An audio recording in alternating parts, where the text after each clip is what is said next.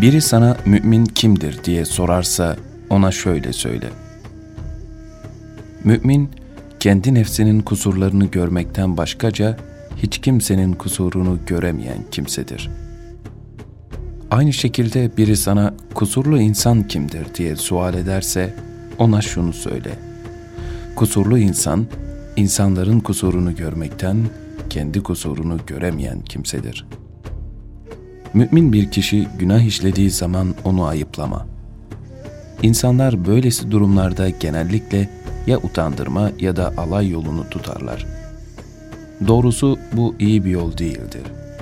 Zaten mümin bir günah işlediği zaman gerçekten büyük bir uçuruma düşmüştür. Onu uçurumdan kurtarmanın yolu ayıplama, alay değildir. Ona kalben acımalı ve onun için her daim dua etmelisin. Her günah zillete düşürür insanı. Allah'a karşı gelen elbette üstünlüğe erişemez. Çünkü Allah üstünlüğü kendisine itaat edene, alçaklığı da isyan edene verir. Bu sebepledir ki Allah'ın emir ve yasaklarına uyanlar aydınlığa ve üstünlüğe erişir. Keşif perdeleri açılır önünde. Ama ona uymayanlar karanlığa ve alçaklığa mahkum edilir ve Allah'la arasına bir perde iner. İnsanı keşif makamından mahrum eden, mahlukatla meşguliyetten öte bir şey değildir. Unutma ki, iyilik kapısı insana bir kez açıldığında, bir daha kötülüklere dönmek mümkün değildir. Kendisine sarayların kapısı açılan bir insanın, yeniden çöplüğe dönmek istediği hiç görülmüş müdür?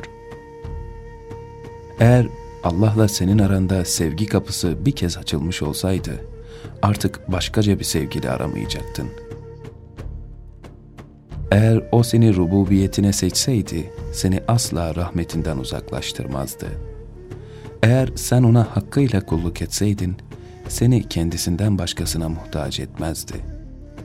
Eğer Allahü Teala mahlukatın sevgisini senin gönlünden uzaklaştırıyorsa buna sevin. Çünkü bu onun seni sevdiğini gösterir.''